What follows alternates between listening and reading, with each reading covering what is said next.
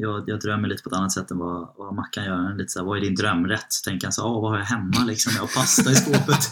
Kanske kan jag göra något på det. Det är inte riktigt, det är inte riktigt så jag drömmer.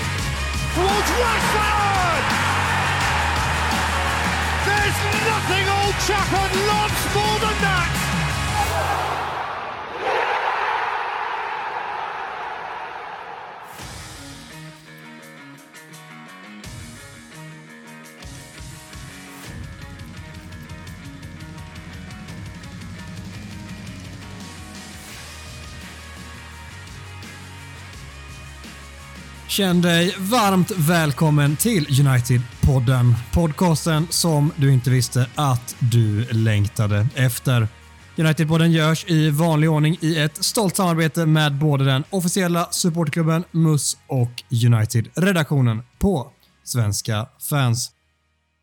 Gustav Kulle tillbaka från någonstans i världen ännu en gång, eller? Ja, hej, hallå. Alltid mellan två, två resor är det faktiskt. Jag har varit i, uh, varit i Spanien här i helgen, uh, en kortis. Uh, tittat på lite, inte live-fotboll, men fått njuta lite av sån här klassisk kafébadhäng klockan 22.30 när man står i den spanska liksom, kvälls, kvällsvärmen och, och samlas kring TVn. Det tycker jag är, det är en fin kultur saknar jag lite, saknar lite i London, saknar framförallt i Sverige. Så det har varit härligt. Det var lite bottenstrid där som man stod och, jag vet inte om ni har hängt med där i Cadiz, Mallorca och Granadas straffmissar och öden här i slut, slutomgångarna. Så det var ganska dramatiskt. Jag missade. Span, spanjofiler där ute. Spanjofil. Du ser, eh, alltså så mycket som du är ute och reser, ser du ditt boende i London som någon jävla mellanlandning typ eller? Fantastisk jävla flight destination att lämna London. Det, man ligger här mellan sex stycken internationella flygplatser, så det är perfekt. Alltså. Så jag, jag ska befinna mig på, är det kanske, kanske världens minsta fotbollsland? Ja, det är nog där uppe i alla fall. Där ska jag vara om, om två veckor. Jag kommer inte säga vilket det är. Det kan vara, ja det är nog eh, ett av de minsta och det är inte Andorra eller San Marino. Mackan eh, Eriksson, du, eh, du är också med oss här. Har du någon gissning vart han kan ta vägen? Jag har inte en blek alltså. Curacao, kanske. så tråkigt när du tar den själv, när jag tänkte att jag ska plugga upp ett riktigt bra skämt här och driva om ja. ditt otroligt dåliga uttal här förra, förra helgen. Ja, alltså till mitt försvar så hade jag hört det någon annanstans, kan vi säga. Ja. Men eh, nej, jag, jag har fan ingen att Erik, Erik Bally har, han har sommarställe på Curacao, eller? Erik Bailly, han är fin. Ja. Han är fin.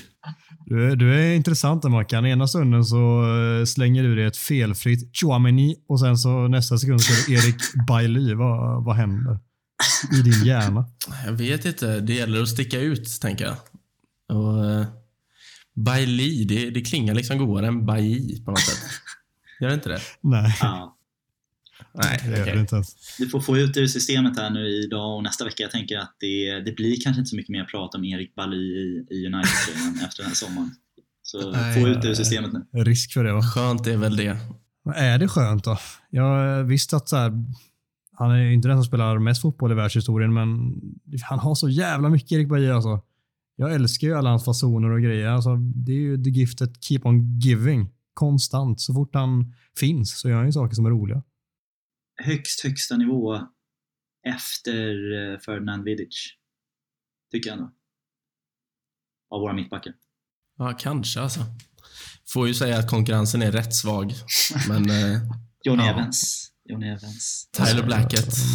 Tyler Blackett. Ja. Michael Carrick Paddy... var nere och vikarierade någon match. Paddy McNair. Fletcher. Paddy McNair. Ja. Nej, men jag tycker alltså otroligt jävla potential när han är som bäst, men skadad och eh, extremt ojämn. Jag, jag, när jag tänker på Erik Bally så tänker jag på någon härlig, han har comebackat efter typ mycket skador och han håller på att köra massa överstegsfinter i eget straffområde. Troligtvis en Champions League-match tror jag. Och han är så jävla bossig alltså. Han är, han är så iskall där bak. Gör det hela matchen. Man bara ser att han har spelglädje. Det är den Erik Bajy jag vill minnas eh, från den här United-sessionen. Ja, verkligen.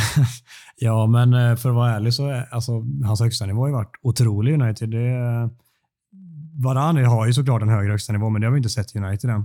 Men det är en spelare som har en högre högsta nivå i sig. Annars så är det väl din kära John Evans då, Gustav, som är emot Bailey.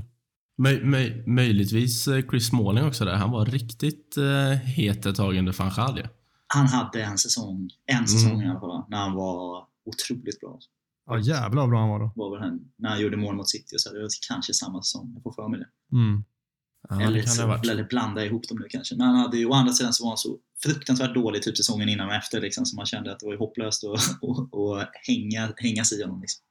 Också så sjukt att han var så bra under just van Gaal som krävde mycket bra passningsfötter och så är det en gubbe som har två vänsterfötter. Det, det går liksom inte hand i hand. Det är rimligare att han hade varit bra Två typ under liksom. Mourinho. Ja, men två lampskärmar. ja. Kommer ni ihåg att han var högerback eh, en, eh, ganska mycket i början eh, när han kom till United? Minns Det är ändå, det är ändå han, hade- han hade ändå en bättre inläggsfot än Dalot. Det är ändå sjukt. Men var han inte högerback i den här berömda 8-2 matchen mot Arsenal? Jo, exakt. Alltså, ett ånglok på högerkanten. Han var snabb och stark och bra. Liksom. Vad, vad hände? Snabb, stark och bra. Ja. Ja, det var han fan med. Otroligt vad man kan sätta för pjäser i ett välfungerande organiserat försvarsspel. Det spelar inte så stor roll vilka som, vilka som spelar då. Hint hint, Ralf Rangnick. Hint hint. Ja, man kan Ja. ha läget För då. er som har missat det, inte så nöjd med Rangnick. Alltså. Vill gärna Nej, prata, det prata mer om var just därför jag släppte den pucken nu, för nu orkar jag inte med det längre. Gustav. Hur känner ni med ert hat kring Rangnick den här veckan? Fan, jag trodde att du gillar Ragnik, Gustav. Jag måste ha missat någonting. ja, Eh, nej, vad sa du Adam? Hur mår du? Jo, men jag, jag mår bra. Trots, eh, trots mycket regn i Göteborg och grått väder så eh, känner jag ändå att sommaren närmar sig och eh, måendet är väl så bra det kan bli med, eh, med den lilla, lilla, lilla parentesen att man håller på United. Så nej, men det är bra ändå. Mm. Fan vad gött. Ja, lilla parentesen där ska såklart alltid in, men vi har ju också spelat den sista matchen. Vi ska prata om den pytte, pytte lite sen. Vi har fått eh, tydliga budskap från våra lyssnare att prata för fan inte om säsongen som har varit. Kanske att vi kan prata lite, lite grann om den, men vi ska försöka blicka framåt allra mest och vi ska framförallt eh, snart här prata om lite spelarbetyg, för det är ju någonting som hör till i den här podden oavsett om man vill det eller inte så är det en konstant som ska vara kvar eh, den här säsongen ut. Har vi kört det varje avsnitt så klart vi ska köra det även här. Har ni något annat kul på hjärtat som ni vill prata om? Eller vi har ju ändå inte allt för mycket på agendan den här veckan så vi kan ju riva av ett och annat sköj. Vi har ju ändå en eh, guldspadevinnare i, eh, i chatten, så att säga. Micke? Berätta mer Adam. Nej. Det har han verkligen inte fått än. Alltså. Så långt ifrån en guld, guldspade. Alltså. Guldhinken går till, eh, går till Micke tror jag.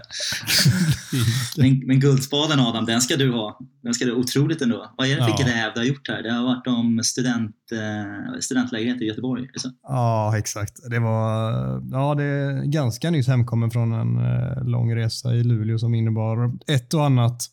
Men ja, då var det Guldspadegalan, Guldspadegalan och eh, som ni säger, jag och mina otroliga klasskamrater i min grupp lyckades ro hem en guldspade. Eh, sjukt ärofyllt och sjukt roligt. Det var mm, knappt så man förstod det faktiskt. Det handlar om, eh, som du kort eh, var inne på, det, det handlar om studentbostäder i Göteborg. Där det, vi lyckades avslöja att eh, ja, hur kul det än är att lyssna på, så vi ser det jättekort. Det är de som har flest studentbostäder i Göteborg har misskött det som fan och eh, många studenter har flyttat in i väldigt, väldigt skitiga lägenheter med bland annat eh, kackerlackor och plattbaggar och mögel och sånt där gött som man älskar.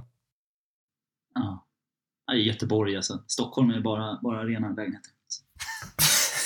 Det där är inte studentlägenhetsproblem, det där är ett stadsproblem. Är inte det hela, hela Göteborg? Halv, halvgräv av er Adam. Ja, det är... att ingen synar den bluffen är otroligt. du. Ja. Ingen har ju koll Ja, på... det var tur att du inte satt i juryn då, Gustav. Ja, väldigt tur. Ja, men stort grattis faktiskt. Väldigt, väldigt imponerande. Vi har haft, Micke har suttit i Dobb-TV-debut här. Det tycker jag vi ska plugga också. Gjorde, ja, han får mycket skit av mig och det ska han ha. Men eh, väldigt bra prestation i, i Dobb-TV här förra, förra veckan. Spana in det i, i uh, Big Six heter det Som han var med i. Och så Adam som är nu prisbelönt journalist. Och Mackan som inte kan uttala Curacao. så är det en fantastisk eh, kvartett där. Så det är, ja, det är stort. Ja. ja, det är mycket som händer kring United-podden. Adam vinner pris, Micke får briljera lite i webb-tv, Gustav i Spanien och... Ja, vad gör jag egentligen? Ja, finish the sentence, finish the sentence Mackan. Har du spelat golf kanske? Det är du ofta bra på att benämna. Nej, bara fick pingis den senaste veckan tyvärr. Ja, vi avslutar med fickpingis. Det är ju såklart jätteväntat.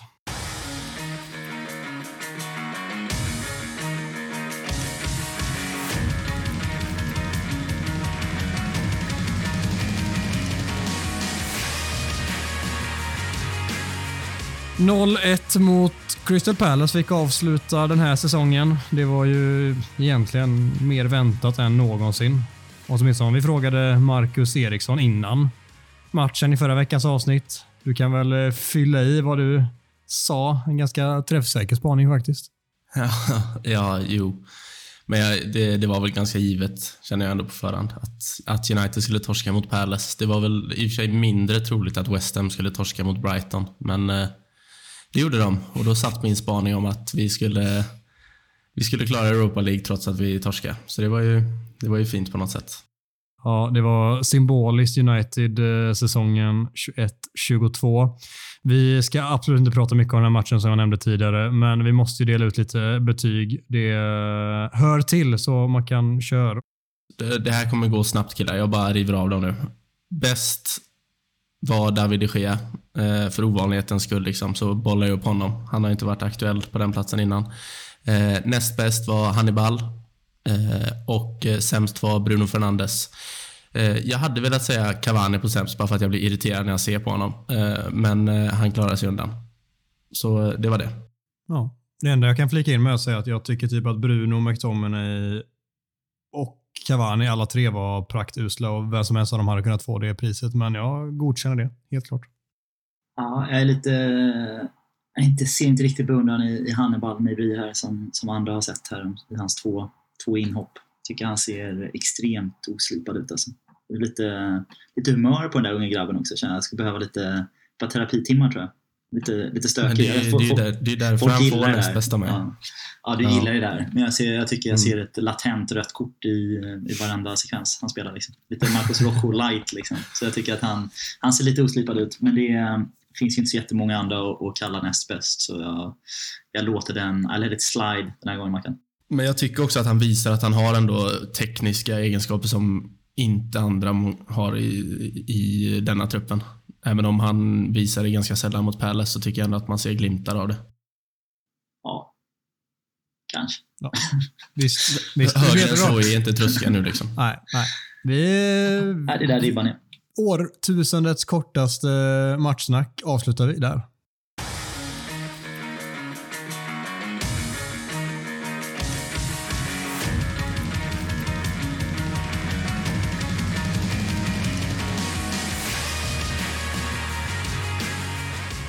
Succésegmentet Talk of the Town är återigen tillbaka med fem påståenden med aktuella ämnen som vi helt enkelt diskuterar huruvida det är sant eller inte. Vi har två helt vanliga till att börja med här och sen så blir det tre specialare som vi avslutar denna veckans avsnitt med. Den eh, första lyder så här. Erik Ten Hags första presskonferens gjorde mig positivare inför nästa säsong. Och eh, Jag tror inte det undgått någon, men Erik Den Hag har ju faktiskt varit på plats i Manchester nu, han var på plats och kollade matchen också mot Crystal Palace i London och sen har han gjort eh, en lång intervju med Uniteds eh, interna kanaler som delas upp i två delar som finns att tillgå för den som vill. Och Sen så gjorde han sin första presskonferens där han till att börja med, vilket vi måste nämna också, gick runt och skakade hand med precis allt och alla. Har ni sett en människa skaka så mycket hand som Erik Den Hag har gjort där i början?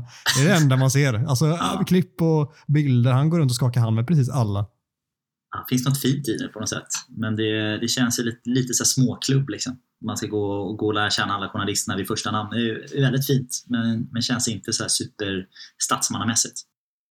Kan det vara smart på ett sätt att vinna lite, lite eh, sida i början? Liksom att få dem lite, lite, lite grann med sig till så att det blir lite, lite, lite lugnare? Säg lite, lite, lite en gång till så ska jag fundera på det. Men det kan vi konstatera att det har inte riktigt funkat. För er som har hängt med i engelsk media här senaste dagarna så har jag fått eh, lite, lite, lite kritik här första dagarna för, eh, för ja, ett par ganska lite ytligt. Liksom. Det är nästan som att han är kvinnlig statsminister. Får kritik som andra, andra fotbollstränare inte alls får. Liksom. Lite med hållningen var inte, var inte riktigt bra, att han känns lite svag. Så jag vet inte men om det kommer funka eller inte. Jag tycker inte man ska man ska, vi ska verkligen inte hoppa på den här båten och göra överdrivna stora analyser av ens första presskonferens, tycker jag. Men jag tycker det är väl eh, det är ju aktuellt så det är väl bra att snacka lite om vad vi, vad vi tycker om det. Och jag tycker väl att mitt, mitt spontana intryck var väl att jag var li, kanske lite, lite besviken. Jag tyckte han har känts lite, lite svag. Lite svagare än vad jag trodde. Jag har inte hört, jag har bara hört honom prata i sin Ajax-kostym tidigare. Han kändes lite, ja men lite nervös lite som att han var i ett, ett större, större rum än vad han har varit tidigare. Uh, han var ju väldigt politisk och diplomatisk i svaren på presskonferensen. Det är vettigt i och för sig tycker jag. Det är klart att han, han ska inte hänga ut. Det var ju var bra att han gav, gav uh, praise både till Maguire och Ronaldo och höll sig borta från att spekulera för mycket i uh, tio nya spelare som ska in etc. Så han var ju väldigt, väldigt diplomatisk. Men jag känner att det var väl en det var väl en två plus presskonferens kanske. Jag tycker man fick ju inget sån här jag fick ingen extra, extra eld i mig och kände att så här, det här ska bli en jävla kul resa. Alltså. Men det kan det bli ändå. Och det, jag känner mig positiv till hans, hans ledarskap ändå. Men presskonferensen gav mig inga, inga mer positiva känslor tror jag. Nej. Du och Micke är såna presskonferensälskare ändå. Ni sitter och analyserar allt. Alltså, det är ändå, det är ändå um, ambitiöst. Men uh, Nej, men jag, jag, tror att dels det kan bero också på att han är, han är ju svag på engelska. Alltså. Förvånansvärt svag på engelska var han tycker jag. Ja. Ryktades inte om att han, han tog engelska kurser eller någonting och blev väldigt bra på engelska väldigt snabbt när han blev aktuell för United? Eller, har jag drömt det? det han måste, han måste ha varit eh, klappusel på engelska innan då. Nu är han ju liksom ruskigt svag, men innan var, måste han ha varit ännu sämre då. Ja, han jag, jag, jag, jag, tror ändå att... Eh, ja, Van de Beek är också ruskigt dålig på engelska. Kanske ja. är därför han inte har fått spela någonting. Jag vet inte. Jag låter det vara osagt. Ja. Men, eh, men jag tror att det kan påverka lite hur han framstår. Eh, det känns som att han får tänka jäkligt mycket innan han svarar på varje fråga. Typ. Att han bara, oh shit, hur ska jag, hur ska jag formulera mig nu? Och så blir det liksom uh, oh, det, blir, det blir lite halvdana svar. Liksom. Ja. Men jag gillar han. han. Jag tycker framförallt att han ser jäkligt cool ut. Alltså, han är ju snygg. Är inte det? Så kostymen var ju fem, eh, den var ju fem plus. Om själva framförandet på presskonferensen var två plus så var ju utstyrseln fem plus. Gillar dock inte att han hade svarta sneakers på sig. Det var fan, det förstörde lite men eh, jag tycker, han, jag tycker han dyker upp i en La Liga-outfit. Och det, det oroar mig. Jag tycker inte det här känns inte alls väderkompatibelt att dyka Vad upp i en ljus, ljus linnekostym. Ljus linnekostym. Nej, han ska ha en sån här lång, lång regnjacka. Steve McLaren har säkert några han kan ge. En sån där som går ner över knäna. Uh, Umbro, gärna. Ja. Det, det, här är, är ju tusen gånger bättre än eh, Klopps jävla tracksuit och Pep Guardiolas jävla vrängda huvud, vad säger, huva som han alltid körde i typ två år. Det här är ju tusen gånger bättre. Ja, vad gör han där? Alltså det, det är typ, alltså jag stör mig nästan mer på Guardiolas klädval än Klopp som människa och det säger typ allt alltså. Han, han kan ju inte klä sig människan. Vad gör han? det ser ut som att han trillar in i garderoben liksom, och vissa kläderna är liksom att de har, han liksom har hamnat med armen fel på något sätt. Så det är liksom hela så här, så där ska inte det sitta, eller hur? Nu har han hamnat, hamnat fel tröja. Och Klopp liksom ser ut som en sån alkis på parkbänken utanför bolaget en eh, torsdagkväll. Liksom. Ah. För stor keps, fula glasögon och en jävla tracksuit. Bara, vad, vad håller du på med? Det håller inte. Så kommer Ten Hag in här med sin mellanchefskostym.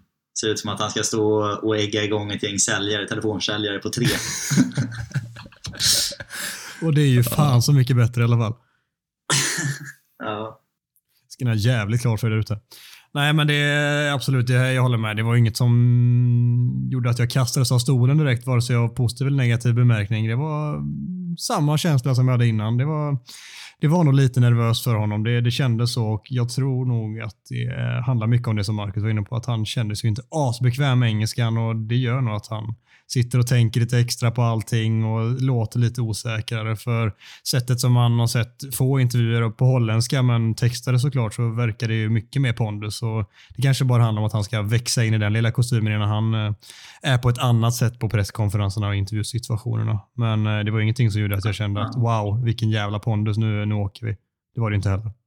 Ja, men det kändes till och med nästan som att han inte riktigt förstod frågan i vissa fall. Så att han, han kom undan lite snällt. Att vissa av journalisterna nästan ja, men de, de lät det gå, att han inte svarade på frågan överhuvudtaget. Och det är väl kanske då som sagt ett tecken på att engelskan inte är knivskarp. Men vad tyckte ni om, om innehållet då? Kände ni att det kom det någonting som kändes lite, ja men det här var intressant att höra, det här, eh, det här gjorde han bra, eller det här ger mig lite, lite eftertanke på något sätt. Jag gillade sättet som han pratade om hur vi ska vinna matcher och det, det är ju såklart någonting som vem som helst hade kunnat säga, men jag tycker han sa det på ett annat sätt. Och nu, det, det här kommer inte från presskonferensen, utan det kommer från del två av den intervjun han gjorde med klubben som släpptes idag när vi spelade in på tisdagen. Och eh, han pratar om hur, hur han vill att sina lag ska vinna matcher och eh, väldigt mycket prata om principer och liksom lägga eh, mönster. Den biten av fotbollen som jag tycker att vi sällan har hört i Manchester United. Det låter som en jävligt låg ribba, men de tränarna vi har haft eh, sedan Sir Alex har aldrig pratat om fotboll på det sättet. Och eh, Det kittlar väldigt mycket. att så här, vi, Han pratar till exempel om att det är viktigt att vi har fyra av fem matcher tror jag, på försäsongen är planerade mot Premier League-motstånd, eller när det var tre av fyra. Uh, och att det är väldigt viktigt för att testa de här och sätta de här principerna som han jobbar efter. Uh, uh, och eh, att han förespråkar liksom, först och främst att vinna fotbollsmatcher, men också att det ska vara en så kallad rolig och underhållande fotboll. Och Det tilltalar ju mycket. Det är klart att man bara kan slänga sig med de orden, men det gör ju ändå att man blir intresserad av att se vad det faktiskt blir av det i slutändan. Så det var någonting som lockade mig och det finns ju inte jättemycket över, så om jag ska vara ärlig.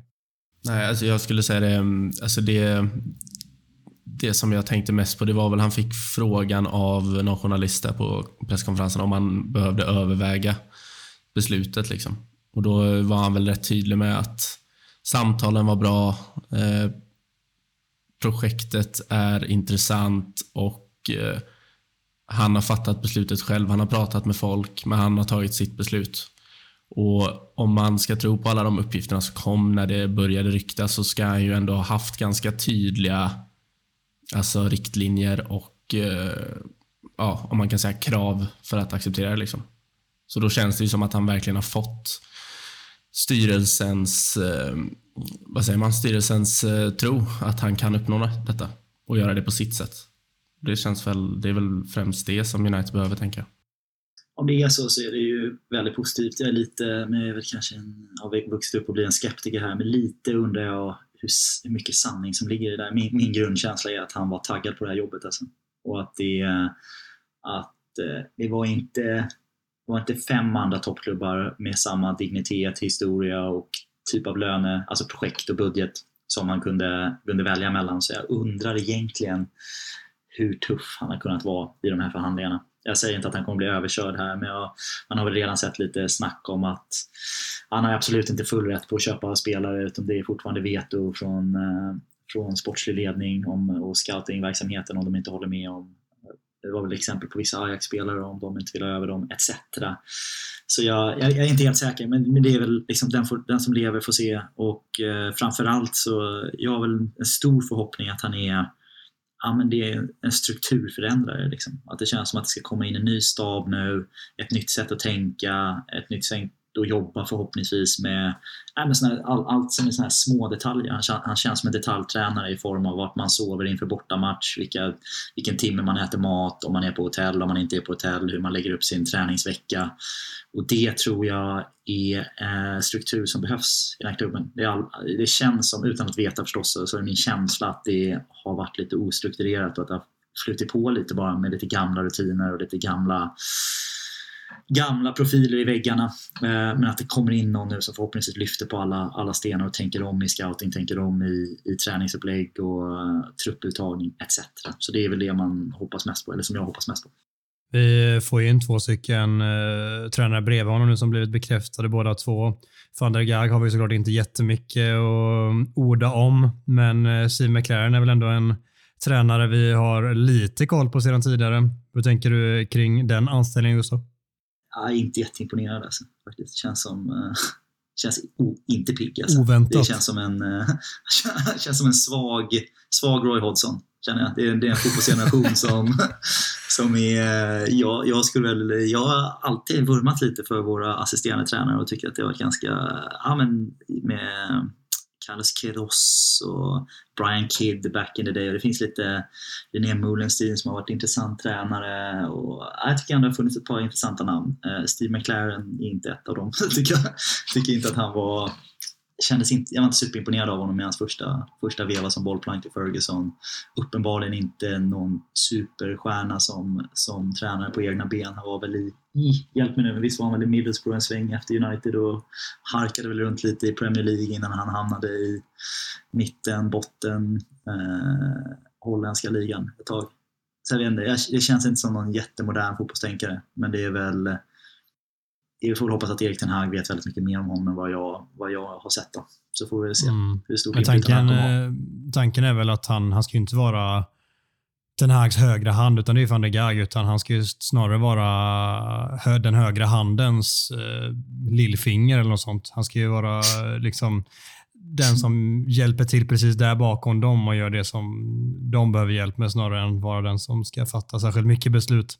Uh, och det är så här, jag vet inte alls hur, hur, bra det kommer vara, men det är någon som den här har en relation med sedan tidigare. De har tränat ihop tidigare och uh, han får in en person, vilket verkar ha varit det han var ute efter, som har varit verksam inom den engelska fotbollen som kan ge honom en liten språngbräda in i den, vilket är tanken att uh, McLaren ska vara. Så vi får hoppas att det är det som han kommer funka som allra bäst som och att eh, det är det övriga kanske som lämnas till våra geniala holländskare som har klivit in i klubben. Han ska vara tolk tror jag. ja, alltså det kanske ja. räcker med det. Ja, det hade varit gött. Han har nog bra, han har nog bra betalt då. Världens bäst betalda tolk. Världens bäst betalda tolk. Ja, nej, men det blir eh, högerhandens lillfinger. Det tycker jag det är en förhoppning att det bara blir så. inte fler fingrar på den handen tror jag. Nej, det får stanna vid det. Det får det Känns daterat. Speltid i samtliga 20 senaste matcherna var mer än vad Anthony Elanga förtjänade. Sett till hur han stundtals har presterat under de här 20 matcherna då, så är det väl egentligen för mycket. Men Alltså det finns ju så mycket annat att väga in i det här. Hur har de andra, hur har konkurrenterna presterat liksom? Eh, hur har Rashford spelat när han har fått chansen? Hur har, ja, Sancho har ju varit sjuk och skadad och jag vet inte vad. Um, Cavani vet jag inte vad han har gjort. Um, Juan Mata, eh, han har väl suttit på bänken och myst. Uh, alltså det, jag vet inte vem skulle annars ha spelat. Så jag kan, förstå, jag kan förstå påståendet och han har ju inte presterat sin finaste fotboll varje match. Och borde kanske inte ha spelat så många minuter han har gjort. Men det beror ju... Jag tror att det till stor del beror på att de andra spelarna inte heller är värda att spela. Flummigt svar, men det, jag tror att det ligger någonting i det ändå. Det här påståendet grundar sig i Manchester Evening News eh, artikel från eh, två dagar sedan tror jag, där, när vi spelade in detta på tisdagen. Um, som bland annat då eh, sa, vilket ska sägas att alltså, det absolut inte behöver stämma, för Manchester Evening News är en katastrofal dålig lokalblaska. Ehm, men i alla fall, de hävdade att det var, fanns ett missnöje inom truppen med hur mycket speltid och förtroende som Anthony Langa faktiskt har fått utefter ut efter sina prestationer och att det är spelare som tycker att de istället borde fått lite av den speltiden. Uh, vilka det är namnger de inte, men man kan väl tänka sig uh, lite kort och gott vilka det möjligen kan ha handlat om. Oavsett så håller jag med dig Marcus också. Det, det känns som att uh, baserat på prestationer så emellanåt så kanske nej, han borde inte ha spelat. Men alternativen har ju varit snudd på obefintliga så det går också att förstå att han har gjort det emellanåt. Och då har ju han varit en av glädjeämnena för oss som har tittat på. att Vi har fått en yngre förmåga, en akademispelare. Eh, I mitt fall så spelar det mindre roll att han är svensk, men för många andra United-supportrar som är svenska så har det spelat roll eh, och varit roligt för dem. Eh, jag tycker att han kanske kunde fått lite mindre speltid, men jag har också förståelse för att han inte fick så mycket mindre av anledningen som du nämnde tidigare. Ja, jag tycker jag håller nog med i stort med båda här. Jag är lite förvånad. Jag är, jag är lite svensk vurmare så jag tycker att det är kul och i stor akademivurmare så gärna att man spelar akademispelare men jag kan känna att det är inte många säsonger i Uniteds Premier League-historia som han får 20 matcher på det här sättet. Alltså dels, om jag ska vara hård, talangmässigt.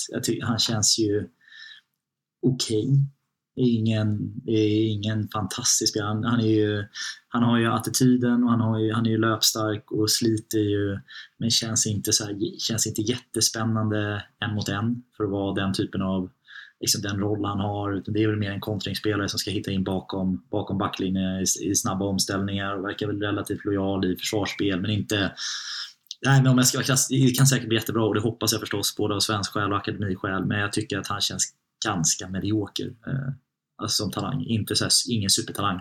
Och då är jag förvånad med att han har fått så mycket speltid med den talangen. Så därför känner jag väl att så här, ja, jag hade kunnat se att det kanske hade rullats lite mer med Säg Hannibal då, eller Ganacho eller jag vet inte hur, vad status är med Chola Chori Eh, om man tittar i i truppen vi har så kan jag kan väl känna att, eh, det är inte ofta ni hör mig säga det här, men att Jesse Lingard borde ha fått fler chanser eh, och mer, mer speltid eh, från var han kom ifrån i sin West Ham-session. Att han borde ha, det finns ju uppenbarligen potential där så jag tycker att han hade nog, skulle nog ha fått lite mer och jag tror att Elanga skulle nog ha fått hälften av dem liksom hälften av de matcher han hade fått. Och jag tycker att man hade kunnat, jag har också sett att Mata har haft ett par matcher som har passat honom ganska bra. Man kanske skulle ha fått in honom på något sätt lite mer, Jesse Lingard lite mer jag tycker Rashford har ju betydligt mer potential och talang i sig sen när han varit katastrofal den här säsongen så det är förstår att han inte har spelat så mycket. Men nej, jag, jag håller nog med påståendet här va? att han har fått, för, han har fått mer matcher än vad han har förtjänat. Det, det, som, det, som blir, eh, det som blir så tydligt bara när, när men exempelvis Rashford har fått chansen och han gör ju liksom ingenting. Det, det, det, alltså han går in på planen och, och står typ. Han jobbar inte hem. Han löper inte i djupled, han vågar inte utmana, han passar fel hela tiden, han tar inte skott. Alltså, jag är liksom Daniel James nummer ett hatare tror jag i hela världen. Men han hade ju gjort ett eh, bättre jobb än Rashford i år. Liksom. Eh, ganska mycket bättre. Han gjorde bättre jobb än väldigt många av våra yttrar. Eh. Ja. Så det, det, det blir, alltså det är så sjukt att säga. Man sitter och pratar om Manchester United. Det låter som att man sitter och pratar om Falkenberg i division 1. Liksom. Mm. Det är så här, Elanga kommer in och springer och då, då ser han ju helt plötsligt bättre ut än vad alla andra gör. Ja. Och det är ju det är helt sjukt att det enda som ska krävas är att man ska springa lite. Han hoppar upp i nickdueller, han springer, han, han tar de obekväma löpningarna liksom, medan de andra bara står och kollar. Oj, han är inne och springer. Då, det är klart som fan han får spela då. Så ja. egentligen är det inte konstigt. Nej, då är det ju verkligen då är det nog fel på tränaren, Ralf Rangnick. Eh, nästa ja. punkt Jag tycker att vi skyller på Cristiano Ronaldo istället. Vad säger du så? Nej, det tar jag inte. Det tar jag inte. Och det ska ni få höra allt om i nästa vecka sen. Alltså. Nej, men så här, alltså Elanga, det är inte alls meningen att vi ska hit och såga honom och sänka honom som talang på något sätt. Det, det jag vill säga är att jag håller med dig om att han, jag ser inte den toppen igen. Det här är ingen spelare som kommer kliva in i Manchester United. Det var en ovärderlig startspelare eller ens en startspelare över, överlag i ett Manchester United, men det kan vara en väldigt nyttig spelare. Och eh, han... Jag tycker hans spets är, man ser att den är begränsad. Han, han har en teknik, men det är inte på den högsta nivån. Han, har, han kan skjuta, men det är heller inte på den högsta. Och det, det finns inte riktigt den spetsen som i någonting mer än att han är väldigt, väldigt löpvillig och snabb, vilket så många andra också är. Det krävs någonting mer, någonting extra för att det ska bli mer än det. Eh, uh, med det sagt är det en väldigt, väldigt duktig fotbollsspelare och jag tror att det, liksom, det är en Premier League-nivå finns ju absolut i honom. Men när vi ska slåss om de placeringar som vi anser oss själva att vi ska slåss om, då är det nog inte tillräckligt. Det är väldigt svårt att se. Sen är jag fortfarande ung och det kan hända mycket, men oftast brukar man ändå se den här tidpunkten av en spelares karriär och att det finns eh, någonting extra i dem och det ser jag inte i honom. Jag blir jättegärna motbevisad, men det gör jag inte. Ja. Det känns, det känns som en, en truppspelare i en 22-mannatrupp uh, eh, och jag, jag, gillar honom men uh, hans speltid har varit en konsekvens av att vi har varit ett extremt dåligt lag uh, i år. En, en ny Jesse Lingard kanske? En ny Jesse Lingard. Det tar vi. Det, det vill man bli. Vi gillar den gamla så mycket så vi vill ha en till. Ja. det tar vi. Mina två drömspelarförluster är... Punkt, punkt, punkt. Jag tänker att eh, Marcus Eriksson ska få börja och slänga upp två stycken här som han eh, drömmer om att United ska lyckas bli av med under sommarfönstret. Ja, härligt. Hade kunnat välja mellan ja, 20 av 25 spelare egentligen, men jag, jag har valt eh, två engelsmän. Eh, den första bär nummer 5 på tröjan och den andra bär nummer 29. Harry Maguire och Aaron Wan-Bissaka. Det är mina två drömförluster i sommar. Utveckla Maguire till att börja med då. Eh, jag tänker att, eh, att jag inte gillar honom som fotbollsspelare. Jag tycker att hans eh, högsta nivå från förra säsongen var bra. Eh, inte mer än så. Eh, hans lägsta säsong den här, eller lägsta säsong, hans lägsta nivå den här säsongen. Eh, jag vet inte om jag har sett en mittback spela på så låg nivå i eh, ett engelskt topplag någonsin. Och då har det ändå funnits några flöjtar liksom genom åren i Arsenal och Chelsea har väl haft Talben Haim, men eh, Maguire är typ på den nivån den här säsongen. Och eh, så är han kapten på det. Eh, och eh, jag vet jag gillar inte hans kroppsspråk på planen och eh, så är han långsam och klumpig och fan, jag vet inte, jag bara jag mår lite dåligt när jag ser han spela fotboll. Jag blir lite så, hur fan lyckades han bli fotbollsproffs? Och sen vet jag att det är klart att det är ett helt otroligt dumt tänkande att tänka så, för han är ju uppenbarligen ganska bra. Men eh, jag tycker inte att han är tillräckligt bra. Jag tycker inte ens han är i närheten av tillräckligt bra. Så skeppa honom i sommar. Wan-Bissaka. ja, du, jag, satt i, jag satt i höstas här och försvarade honom. Jag vet inte vad jag tänkte. Eh, alltså, också så här, han, han ser ut som att han åker skridskor hela tiden. Det ser ut som att han har två skridskor på sig när han spelar fotboll. Han har liksom ingen balans. Han kan inte passa en boll, typ. Han kan inte slå inlägg. Eh, han, kan, han, är en jävel på glidtackla. Och... Eh, jag vet inte. Det, det räcker liksom inte. Då, då får man spela i Burnley eller Crystal Palace. eller, eh, ja, vilka lag som nu. Stoke, han hade säkert varit otrolig i Stoke. Liksom. Men i United, nej. Och jag tror dessutom att man kan få lite pengar för båda de två. Vi kommer inte få tillbaka investeringarna, men vi kan nog få rätt bra betalt för de två. Ja, men jag, jag vänder mig mot Wan-Bissaka framförallt tror jag. Eh, och känner att jag tror...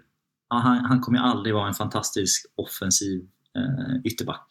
Det, det, det förstår man ju liksom. Men jag tyckte han var ja, bra plus. Kanske till och med väldigt bra sin första säsong.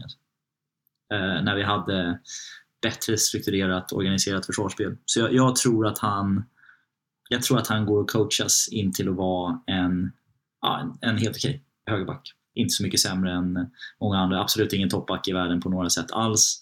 Men jag tyckte att han såg tillräckligt bra ut när han kom. Och han var ju uppenbarligen bra i sin, var det två säsonger han gjorde i Crystal Palace i alla fall innan. som han sett honom en del. Och han, jag tyckte han såg ut bitvis som ligans bästa liksom, en mot en försvarare. Jag tyckte ingen kom förbi med bollen första säsongen på, på högerbacken. Men nu var ju, det så jäkla oorganiserat där bak så nu har jag blivit, blivit utsatt för att hamna fel i positionsspel hela tiden för att det känns som att vi, vi är en man underläge i alla anfall hela säsongen. Och det här passar inte honom alls. Men jag tror att han jag är inte riktigt lika investerad i att han måste bort. Eh, tror att han går att coacha. Eh, coacha till sig. Men eh, Maguire, eh, spoiler, är väl, är väl en av mina som jag ligger och drömmer om på nätterna också. det ska vara ärligt. Om du avslöjar då vem den andra är. Maguire eh, låter det som att det är ganska uppenbart att du har som en av två. Vem är den andra? Ja, nej, men Maguire är... Nej, jag ska. Maguire håller, håller med helt Mackan. Jag tror att det är, det är problematiskt att han kommit in med så hög status, vilket gör att han går inte riktigt att sitta som tredje mittback. Tror jag. Och av den anledningen så är det antingen så är han kvar och då måste man på något sätt bygga backledningen kring honom i viss mån. Och det har ju uppenbarligen inte funkat. Jag tycker han har framförallt brustit sina ledaregenskaper eh, här den här säsongen. Som du säger, dåligt kroppsspråk. Eh, ja, han, hans jobb var ändå på något sätt att styra upp den här backlinjen och det har varit katastrof. Både individuellt och kollektivt så har det helt fallerat.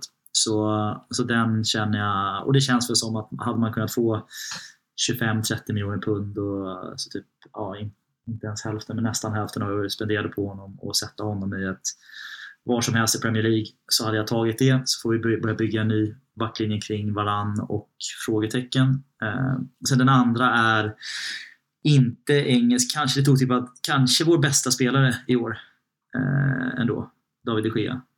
Eh, där jag känner att eh, han, eh, jag skulle vilja ha en modernare, framförallt, eller, ja, inte nödvändigtvis vi har pratat om det här tidigare med att det handlar om spel om fötterna och att man ska vara sweeper-keeper. Inte nödvändigtvis min prioritet, men jag skulle vilja ha en målvakt som är mer dominant och har bättre, bättre närvaro i, i spelet som inte bara är linje, linjespelet. Och där, där drabbas jag av David de Gea, att han är så otroligt bra linjespelare och gör så otroligt mycket idioträddningar och det här har vi haft långa, långa diskussioner om i podd tidigare. Men så jag hade jättegärna sett att man hade blivit av med honom. Eh, och fått en ny, ny målvakt. Han sitter, det är hans sista år på kontraktet nästa år också vilket gör att han riskerar att antingen få ett nytt femårskontrakt här eller så att han ska gå gratis eh, någonstans, vilket jag också tycker är ovärdigt. Så jag ser hellre att man blir av med honom och börjar bygga ett nytt eh, försvarsblock här med en ny målvakt. Jag trodde jag, jag skulle vara kontroversiell och sticka ut hakan när jag tänkte slänga in David de Gea som en av mina två, så slänger du upp honom också. Det, det. Alltså, det går nästan att kopiera ditt, eh, din motivering och applicera den på mig med. Jag tror att hans målvaktsstil inte alls är kompatibel med Erik Ten Hag. Jag tror att det eh, riskerar att bli smärtsamt att titta på faktiskt till och med. Vi, alltså Erik Ten Hag behöver en målvakt. Ja, men vi kan väl kalla det det. Den där holländska pajen, eller vad sjutton nu han hade med sig till presskonferensen. Ja, men eh, i alla fall, alltså, jag tror inte det kommer funka med eh, de Geas fötter. Vi har sett att han kan liksom inte träffa en laggårdsvägg inifrån. Hur fan ska han kunna liksom stå där och passa bollen i små, smått trängda situationer? Det kommer, inte, det kommer inte gå. Det är inget man kan lära en målvakt när han är 31-32 år. Det, har han inte haft det tidigare så kommer han inte få det nu. Det, det vågar jag nästan ta gift på. Och Sen så är han ju inte känd för att vara en sweeperkeeper som du nämnde tidigare. Om vi ska spela Ten Hag-fotboll, alltså med en mycket högre backlinje där vi pressar upp högre, ytorna blir större bakom oss, så behöver vi en målvakt som kan stå där bakom och täcka upp den ytan betydligt bättre. Och där litar jag inte på de Gea ett dugg som har varit utanför sin, eget, sin egen box två gånger i hela sitt liv. Det, jag kan inte se det fungera. Eh, också dessutom är han ju inte den här som du säger, att han har inte den pondusen eget straffområde heller på situationer, vilket också har varit eh, problematiskt emellanåt. Och med det sagt, jag, jag eh, hyser jättestor respekt för de Gea, vad han har gjort i klubben tidigare. Eh, men jag tror inte det kommer funka nu. Jag tror att det har varit jättebra som du säger att eh, om vi får ett läge nu när kontraktet börjar närma sig så småningom rinner ut att bli av med en, eh, en lönepost som är väldigt dyr så tycker jag det är bara att ta den chansen. Eh, så han är nummer ett för mig. Vad tänker du om det sker till att börja med, Marcus, innan jag går vidare till min nummer två? Jo, oh shit. Jag blir så chockad, jag satt i halsen här. uh, nej, jag, jag håller väl med i stort. Det är väl bara det att jag... Uh, jag, jag, tror dels in, inte att det kommer att ske i sommar. Pratar jag om dröm här? Jo, jag vet, jag vet. Men jag vill ändå ha med lite realism i det hela också. Um, och sen, sen också, vad, vad, finns det för målvakter liksom, tillgängliga? Det är väl just det, vi har en hel jävla transferkommitté och scoutingverksamhet och en ny tränare som ska kunna pinpointa. Just det, de jävla stjärngossarna där uppe på kontoret, de kommer säkert hitta en sån riktig Nej, måste, jag, tänk, jag tänker att det finns tre stycken modernare, habila målvakter i Italien, Spanien, Tyskland. Alltså tre i varje liga.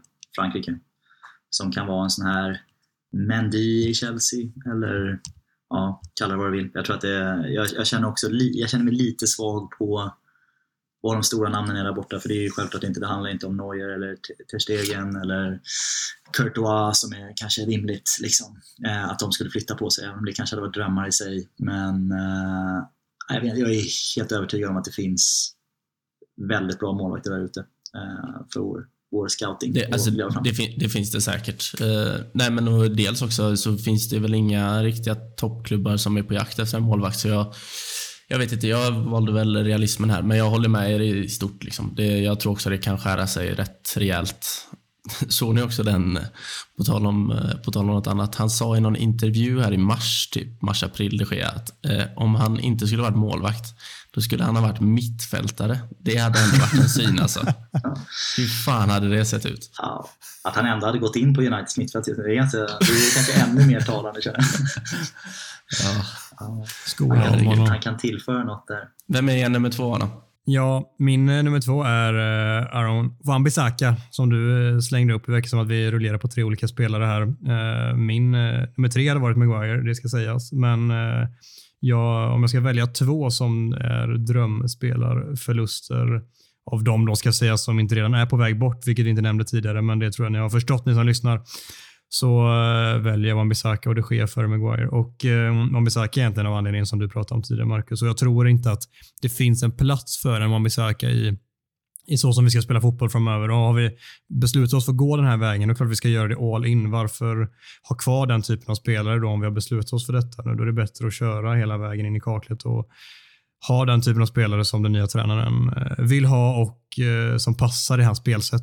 Så jag tror att, eh, då tror jag faktiskt egentligen att Maguire passar bättre än vad, än vad Bissaka skulle göra. Och även om det är olika positioner så tror jag att Maguire skulle vara någorlunda mer kompatibel än vad en Wan-Bissaka skulle vara. Som Gustav var inne på, som är väldigt bra defensivt i perioder, har visat eh, andra egenskaper mellanåt. Men eh, i slutändan så får jag inse mig besegrad där. Jag har försvarat Wan-Bissaka mycket men jag pudlar, han är inte tillräckligt bra och framförallt inte i den typen av fotboll vi kommer spela framöver. Då ser jag ingen nytta med att behålla honom. Då är det bättre att ta ett anbud. Även om vi kommer göra en brakförlust på honom så uh, ser jag det som en uh, drömspelarförlust för min del det mest, det mest talande för honom det är väl att eh, jag tror att de är inne nu på att det är väl 10 eller 11 engelska högerbackar som har blivit uttagna före honom i, landslaget sedan han kom till United. Och Det är ju sjukt. Liksom. Då är han alltså 12 bästa högerback från England. Nej, jag tror det, det ska inte gå. Ja, sen vet jag inte om vi ska, ska man inte spela United. Gareth Southgate avgöra det, men uh, det säger någonting. Nej, men, någonting. Ja, exakt. Southgate. Han hade kunnat vara assisterande istället för McLaren. De har typ samma tränarförmåga, tänker jag. ja, ja, faktiskt.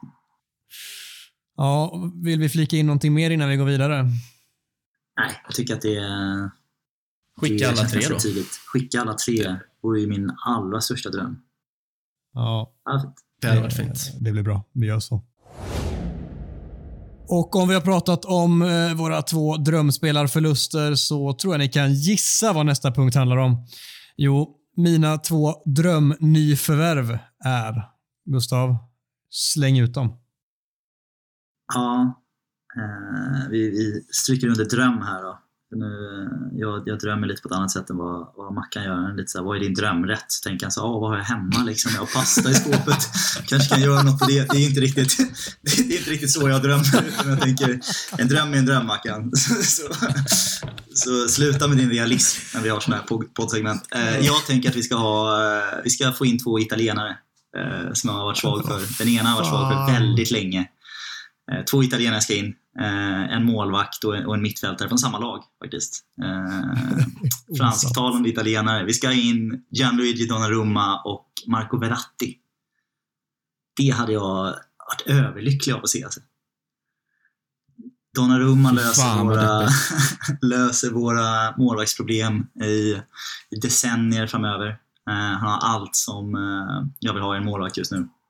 Och eh, Verratti är, eh, jag tycker, en av de mest underskattade centrala mittfältarna i världen. Jag tycker att han är otroligt bra. Alltså. Eh, och framförallt extremt smart och duktig på att göra sina kollegor omkring sig på mittfältet bättre. Eh, så jag tycker att han hade varit en, en drömspelare. Så hade jag fått in Donnarumma och Verratti i sommar här så hade jag, hade jag varit sprudlande glad hela, hela sommaren. Donnarumma är om möjligt sämre än de Gea med fötterna. Ja, men jag sa ju det, jag, fötterna är inte mitt... Jag, jag, jag, köper inte er, er grej där. Jag tycker inte vi ska hålla på och bolla så mycket där, där bak. Däremot så vill jag ha ordentlig om, jävla presence. Om vi nu har en tränare som tänker spela den fotbollen så måste vi ändå ha en målvakt som kan göra en på foten. Nej, fan lägg av med alltså. det, Han får tänka om. Eh, det, det, löser han. Men det, nej, jag, jag vill hellre ha, jag vill ha målvaktsattributen. Jag, jag blir helt trött när jag ser Allison och eh, Allison och de andra moderna målvakterna tänkte säga, men liksom när de är ute och bollar liksom. Jag tycker, det är, jag, tror inte, jag tycker inte att det tillför så jävla mycket. Jag förstår, jag förstår inte riktigt hur man tänker. Risk-reward på, på att ha, ha målvakterna med i speluppbyggnaden på det sättet. Jag köper inte riktigt det faktiskt. Men där, där, där är jag faktiskt med dig lite. De, de är liksom målvakter i första hand. De är inte, de är inte halvbackar eller vad fan det heter. Men, eh, men de, de ska ändå kunna slå en pass på 15 meter liksom, utan att det ser ut som att de gör världens svåraste sak. Alltså Donnarumma är ju mindre graciös än Wan-Bissaka och det är fan en bedrift ändå. Nej, det där, det där oroar jag mig inte över. Alltså. Jag tycker han är så extremt eh, dominant och bra som målvakt. Så jag tycker det hade varit, det hade varit en kanonvärvning. Alltså. Eh, alltså Donnarumma och, och Verratti, då hade jag blivit glad. Men jag ska också säga som, som brasklapp att förra fönstret fick jag ju typ mina drömspelare till United. Med både, framförallt jag, jag har ju vurmat och gärna sett Ronaldo komma hem i många säsonger och känt att det har varit en, en dröm. Eh, det har kanske inte blivit så som vi alla hade hoppats men jag tyckte det var fantastiskt att få tillbaka honom. Eh, att få en av de största engelska talangerna, Jadon Sancho och en av mina absolut favorit mittbackar i Rafael Varane är ju ett jävla drömfönster. Och sen har det aldrig, aldrig gått så dåligt som det har gått efter det. Så det, är ju, det ska vi ha i åtanke. Men, så därför hoppas äh, vi inte att det blir Donnarumma Verratti? Ja, men det kanske, det kanske är någon sån anti-jinx-jinx. Jag vet inte ja. riktigt. Det får, ja. men, får ni gräva i ja, ni hörde säkert att jag småskrattade förut, för jag tänkte återigen att jag skulle slänga upp ett namn som ingen skulle tänka på och slänga in Marco Verratti som en drömspelare och så är det första du säger. Det Amen. fick mig att ta till fnittret. Men ja, det, det instämmer jag helt. Det har varit en helt otrolig spelare. Sen vet jag att det inte kommer ske, att det inte är eh, realistiskt, men vi säger drömnyförvärv. Det Mackan sitter ju såklart, som Gustav var inne på, och tittar på vad som är rimligt och realistiskt just nu. Nej, det är drömnyförvärv. Kan vi förlänga med Matic, tänker Mackan. Ja, det, det känns ändå realistiskt. Kan få ett till, år till där på samma lön. Gå ner 25 procent också, ja, kanon. ja. Ja. jävla big, big dreams, big dreams. Ja, han drömmer stort den här killen. Nej, vi, vi säger Verratti från mig såklart som den ena och eh, den andra jag slänger ur eh, Darwin Nunez där. Det är, alltså, en anfallare tror jag skulle vara jätte, jätteviktigt för oss att få in. För vi har Cristiano Ronaldo och absolut ingenting där bakom. Vi såg den här säsongen att periodvis så fungerade det inte alls för Ronaldo. Periodvis var han skadad, periodvis hade han mått väldigt bra av att sitta lite åt sidan. Och eh, nästa året är det Europa, är det Europa League som gäller och då blir det ännu mer matcher. Eh, jag tror att det vore hur viktigt som helst att få in en spelare som i dagsläget klassas som en av de absolut största talangerna där ute. Öst in mål i portugisiska ligan och i Champions League. Där han visat på Champions League-nivå att han verkligen håller. Jag tror att det vore hur bra som helst att få in honom. Sen finns det såklart många positioner till vi behöver förstärka på, men en central defensiv mittfältare i Verratti och en eh, Darwin Nunez in i anfallet så tror jag att vi har kommit väldigt, väldigt långt. Ja, nej, men jag, jag, jag köper det. Jag tror, jag tror att vi, eh, vi kanske har en, en, bra, en till bra nummer nio i truppen nästa säsong som vi inte behöver köpa. Men vi kan återkomma till det nästa. Jag tror att det finns någon annan som kommer kunna fylla de där skorna lite. Så jag är inte helt, inte helt övertygad om att det skriker, eh, ja, till och med att, det skulle kunna, att han skulle kunna vara aktuell. Men det men jag tror... Eh, nej, jag, jag, har inte, jag, ska, jag har inte sett honom tillräckligt mycket för att känna att han skulle vara en dröm. Alltså. Jag har ju sett att han har gjort många mål i portugisiska ligan. Men det är, för mig är det lite som att göra 25 mål i holländska ligan. Alltså. Att det, det här är, listan är lång på Marcus Rosenbergs och Marcus Bergs och Jon Guidettis som har gjort 25 mål i, i holländska ligan.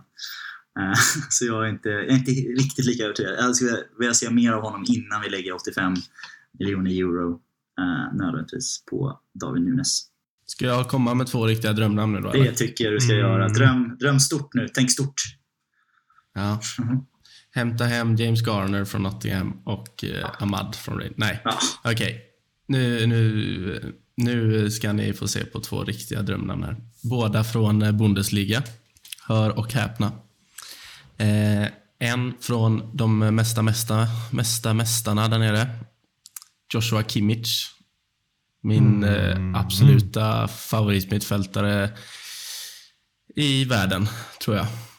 Ehm, och sen förmodligen min näst... Hur säger man? Min näst mesta favorit.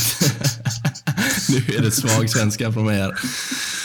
Min, min andra favoritmittfältare, Jude Bellingham. Plocka in dem bara. Kimmich och Bellingham i sommar. Då, då vinner vi trippen nästa år. Du vill ha två centrala mittfältare. Du får drömma om två spelare. Så är det. har vi lagbyggarna där borta. Han vill, han vill sälja en, en mittback och en högerback och ta in två nya mittfältare. Men högerback behöver vi inte ersätta tycker jag inte. Om vi Nej. säljer Wan-Bissaka behöver vi inte ersätta honom. Eh, Maguire, vad fan ska vi ersätta honom med? Flaggstång? ja. eh, jag, tycker, jag tycker att eh, Uniteds mittfält är eh, bland de fem sämsta i Premier League. Och nu är jag inte ens, jag överdriver inte. Alltså, om man kollar rent, ja, rent kvalitetsmässigt och hur spelarna, ehm, hur spelarna passar ihop. Liksom. Det, det finns liksom ingen, inget samklang.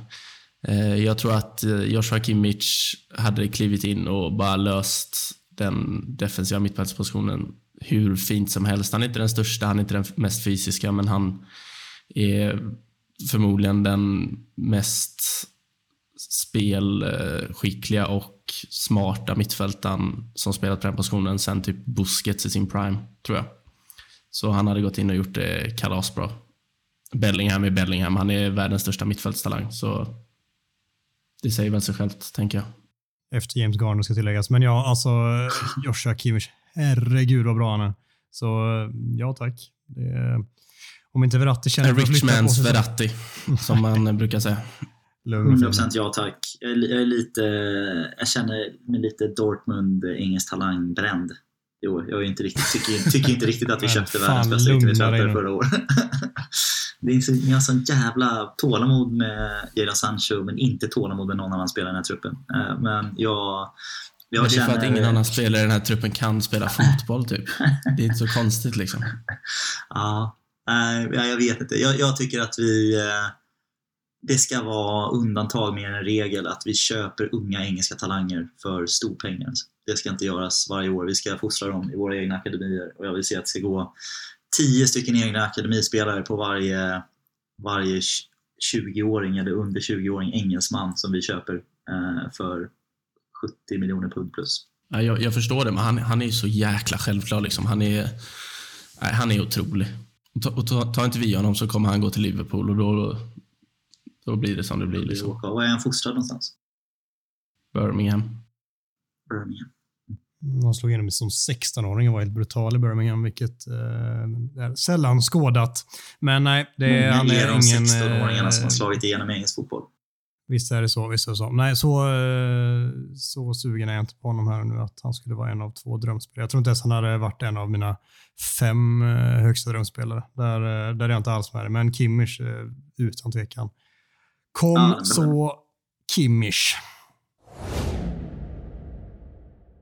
Sista vi kör den här veckan är det är Gustav Poit. Lite, lite småkul eller småtråkig. Beror på hur man ser på Jättekul. det. Eller om man heter Micke eller Gustav.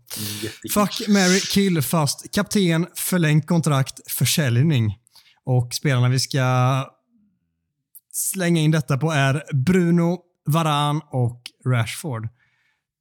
Ja, ja, Ja, jag vet att eh, ni alla, alla två kände att det här är helt hopplöst svårt att välja mellan och det tycker jag med. Så därför tar jag tjuren i hornen och börjar själv. Ska jag förklara bara premisserna bara tydligt innan du går från jag säger förlängt kontrakt, då snackar om att ge ett riktigt långt monsterkontrakt. Alltså. Ett riktigt, liksom, ja, inte förlänga med vi låser månader, in den här spelaren. Liksom. Nej, utan så här, de där, låsa in spelaren med ett riktigt jävla drömkontrakt. Sex år, kanonkontrakt liksom. Uh, så eh, de andra är väl, är väl, säger väl sig själva. Så Adam, kör. Vad har du? Bruno, Varann och Rashford. Jag kommer välja Bruno som lagkapten.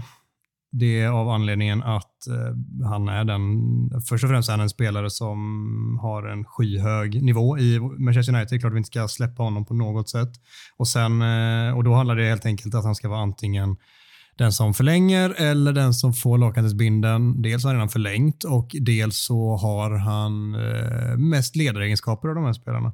Och kanske mest ledaregenskaper av de vi har i truppen. Sen är han inte felfri på det sättet. Vi har sett honom gnälla och vara rätt eh, oskön på planen emellanåt också som kanske inte är helt optimalt alla gånger. Men jag ser mest ledaregenskaper av honom och därför får han den. Då har vi två spelare kvar. Vi har Varan och Rashford kvar. Jag väljer att den spelare som ska få förlängt kontrakt är, inte helt oväntat för de som känner mig, Marcus Rashford. Jag älskar honom mer än någon annan spelare i Manchester United. Jag skulle aldrig säga sälj honom, eh, oavsett hur dåligt han presterar. Jag älskar den jäveln av så många anledningar, mer än det fotbollsmässiga. Och eh, Det kan man tycka att det är märkligt, för det är fotboll det handlar om. Men för mig är fotbollen också känslor och jag eh, älskar den jäveln, så han ska vara kvar. Varann, tråkigt. Jag tycker han är en fantastisk fotbollsspelare, men min känsla för honom och eh, han är inte kaptensmaterial på det sättet. Även om han varit i Frankrike så är han inte en spelare som varit i klubben så länge. Han är väldigt skadebenägen. Det får bli han i slutändan. Det är ingen av de här spelarna jag vill bli av med, men måste jag välja så hej då till den franska lagkaptenen kör igenom, vi kör igenom allihopa så kan vi diskutera sen kanske. Istället för att kommentera. Ja. Så kör du Mackan, vad har du? Ja, nej, jag, har ju, jag har samma och det är tråkigt. Jag, jag, vill, eh, jag vill inte ha samma som Adam egentligen, men eh, det får bli så. Jag, eh, jag har väl inte varit Rashfords största fan den här säsongen, men jag älskar honom också och hade likt Adam aldrig kunnat säga sälj honom. Så nej, Ge han ett livstidskontrakt. Upp med miljonerna bara. ja, ja. ja jag, jag tänker eh, lika som er, eh, fast precis tvärtom. Eh, precis som ni, fast precis tvärtom tänker jag. Så jag tänker att eh, för mig är eh, Rashford kaptensmaterial. Jag tror att han eh, han har kommit från en rekordsvag säsong, det kan vi alla skriva under på, men jag tycker att han är, jag tycker att han har Ja, bortsett, ja, man får nästan stryka den här säsongen, kroppsspråk och allting som har hänt. Jag vet inte vad det är som har, jag hoppas han kör lite psykologi här, i, här i, under, under sommaren. Men jag, jag, tycker fortfarande den Rashford som jag ser som en helhet som har varit i United så är han, är han en framtida ledare, en, en långsiktig person att, att bygga, bygga ett anfallsspel kring. Jag tycker att talangen finns där. Så jag, ser, jag hade kunnat se honom som kapten Eh, i ett sånt här lag. Jag tror att han kommer få en renässans här under Ten Hag. Eh, jag tror att han kan kunna spela som, potentiellt, jag har sagt det tidigare, spela som central anfallare. Jag tycker att han har attribut för att kunna fortfarande lära sig och, och bli en väldigt bra nummer nio. Eh, så jag tänker att han blir kapten. Jag tänker att Varann har fyller en jätteviktig funktion. Han är vår i särklass mest talangfulla back och i en väldigt, väldigt nyckelposition eh, som jag känner att eh, han ska vara, och i en bra ålder. Han är en spelare som vi ska bygga vårt försvar kring här närmsta 3-4 säsongerna för att komma dit vi vill. Och han har ju uppenbarligen de både erfarenheterna och de kunskaperna, så ge honom ett, ett monsterkontrakt. Eh, Bruno är jag, det får bli försäljning på Bruno. Eh, jag tycker att han är, eh, jag köper inte hans lagkaptens eh, Eh, kaliber här som jag vet har diskuterats tidigare. Jag tycker att det har varit väldigt gnälligt.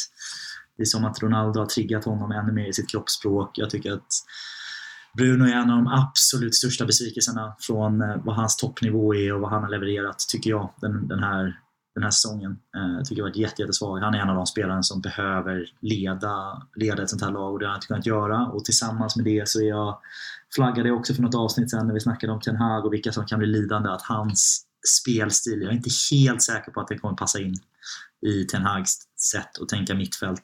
Så jag tror att det finns, att det finns en, en sannolikhet att, han, eh, att vi behöver någon annan typ av mittfältare där för att det ska passa hans spelsystem. Så jag, jag säger sälj Bruno, eh, få lite pengar på det eh, och eh, förläng med varann och ge Rashford kaptensbild.